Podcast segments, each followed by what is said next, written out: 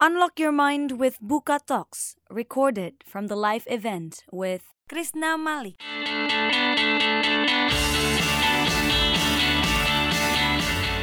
Kalau mau cepet dan bagus ya pasti won't be cheap, mahal.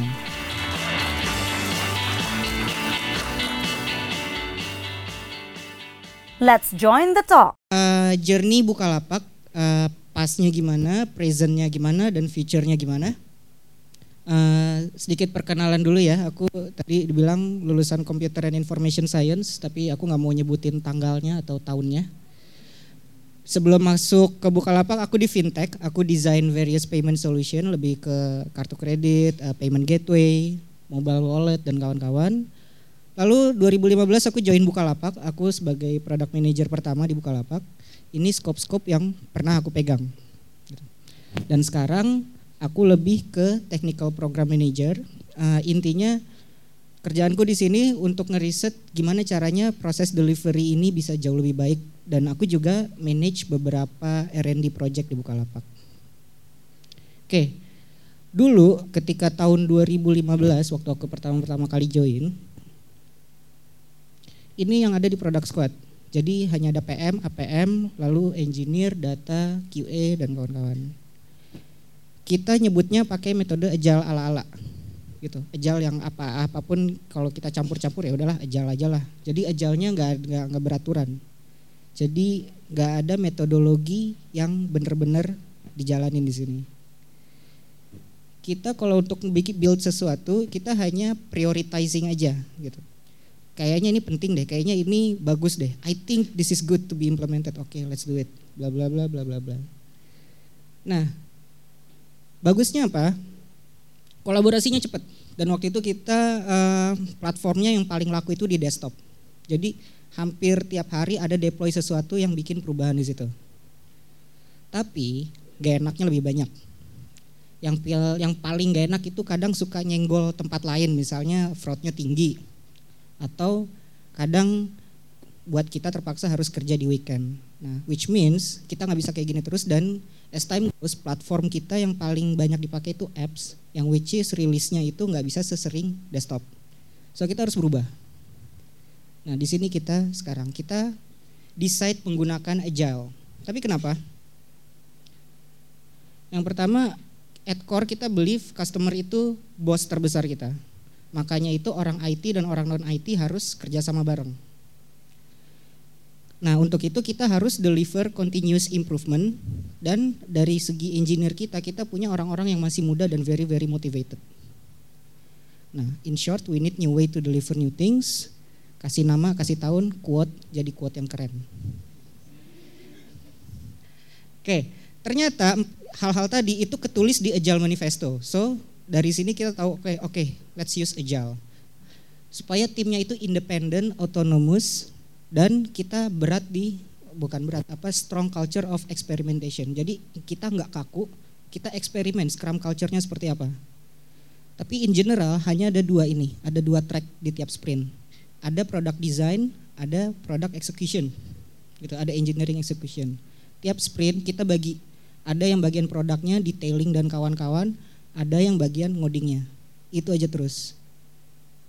Ini Scrum ritualnya, more seperti ini. Nah, aku nggak mungkin uh, deep, explain deep di sini karena um, terlalu lama. Kalau kalian mau tahu lebih la, la, dalam soal ini, ada YouTube buka talks temen aku Ilham Fatoni, dia lebih ngejelasin ini. Nah, sekarang yang ada di product development, still kita masih ada PM, APM, data dan kawan-kawan. Tapi kita punya empat supporting role ini. Jadi squad yang more or less mirip skopnya kita jadikan satu tribe. Tribe itu dipimpin oleh satu orang tribe lead. Gitu. Jadi satu tribe itu bisa ada 4 sampai 5 squad. Let's say tribe payment. Jadi banyak squad yang terkait pembayaran di situ. Lalu ada agile coach, itu basically dia ngatur supaya timnya bisa synchronize supaya agility-nya supaya bisa kebentuk, supaya scrum-nya bisa enak.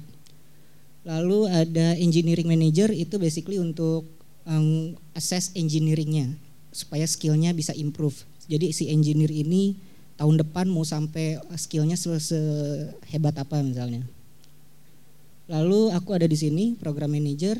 Aku ngeliatin matrix-matrixnya, uh, berapa lama mereka bisa menyelesaikan suatu story, terus sesehat apa, dan aku juga supervise kalau mereka ada program-program yang across different tribe atau across different squad. Ini bedanya kita sama yang lain, kita selalu encourage story point. Jadi di salah satu scrum ritual kita, uh, engineer itu suka discuss uh, ini kompleksitiesnya berapa, ini kompleksitiesnya berapa. Dan dari situ kita bermain kartu.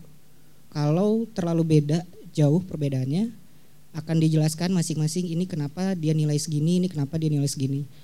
Ini uh, kartu kita license dari Mountain God Software. Nah ini yang selalu kita encourage.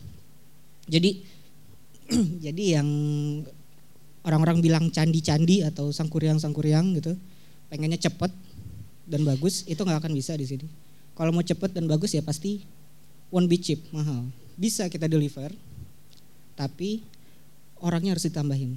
Ketika orangnya ditambahin, orang yang diambil pasti dia matriksnya berkurang. Nah, hal-hal seperti itu yang kita jaga. Kita punya dua role ini untuk ngejaga agility kita, uh, technical program manager dan agile coach. Technical program manager ini kenapa ada? Jadi kita waktu itu mengalami beberapa plan roadmap itu nggak delivered on time. Nah, lalu kita coba datang untuk ngebantu apa sih masalahnya, apa sih yang bisa kita uh, figure it out together.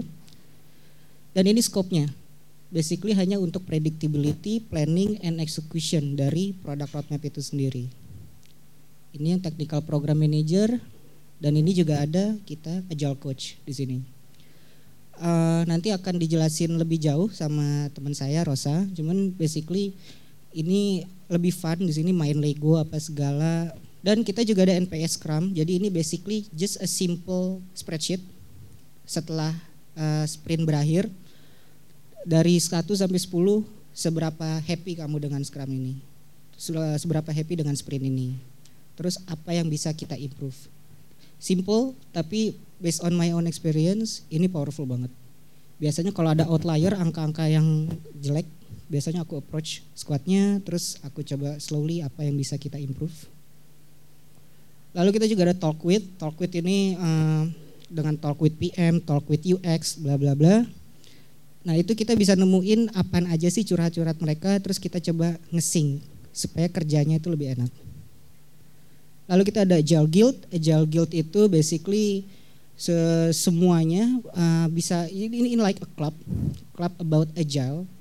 Semuanya bisa join, semua orang di Bukalapak. Squadnya itu otonomus bisa bergerak sendiri, sinerginya dapat, terus ada individual improvement, dan ini yang paling penting, emergency lebih kecil dan lebih stabil. Tanpa disadari, kita dapat scrum pillar kita di sini. Gitu. Tapi ini juga alignmentnya banyak. Kita ada beberapa alignment kayak daily stand up, weekly tribe meet, retrospektif, quarterly meeting dan kawan-kawan. So far ini yang paling banyak. Oke, hmm, untuk masa depan, apa aja sih yang menunggu challenge-nya di Bukalapak? Kita punya lima office, uh, Jakarta, Bandung, Jogja, Surabaya, dan Medan.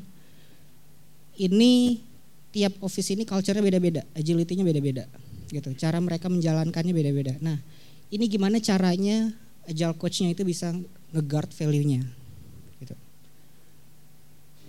uh, ini value yang kita percaya ada enam hal ini. Customer service, data driven, persistence, novelty, speed and autonomy, serta togetherness.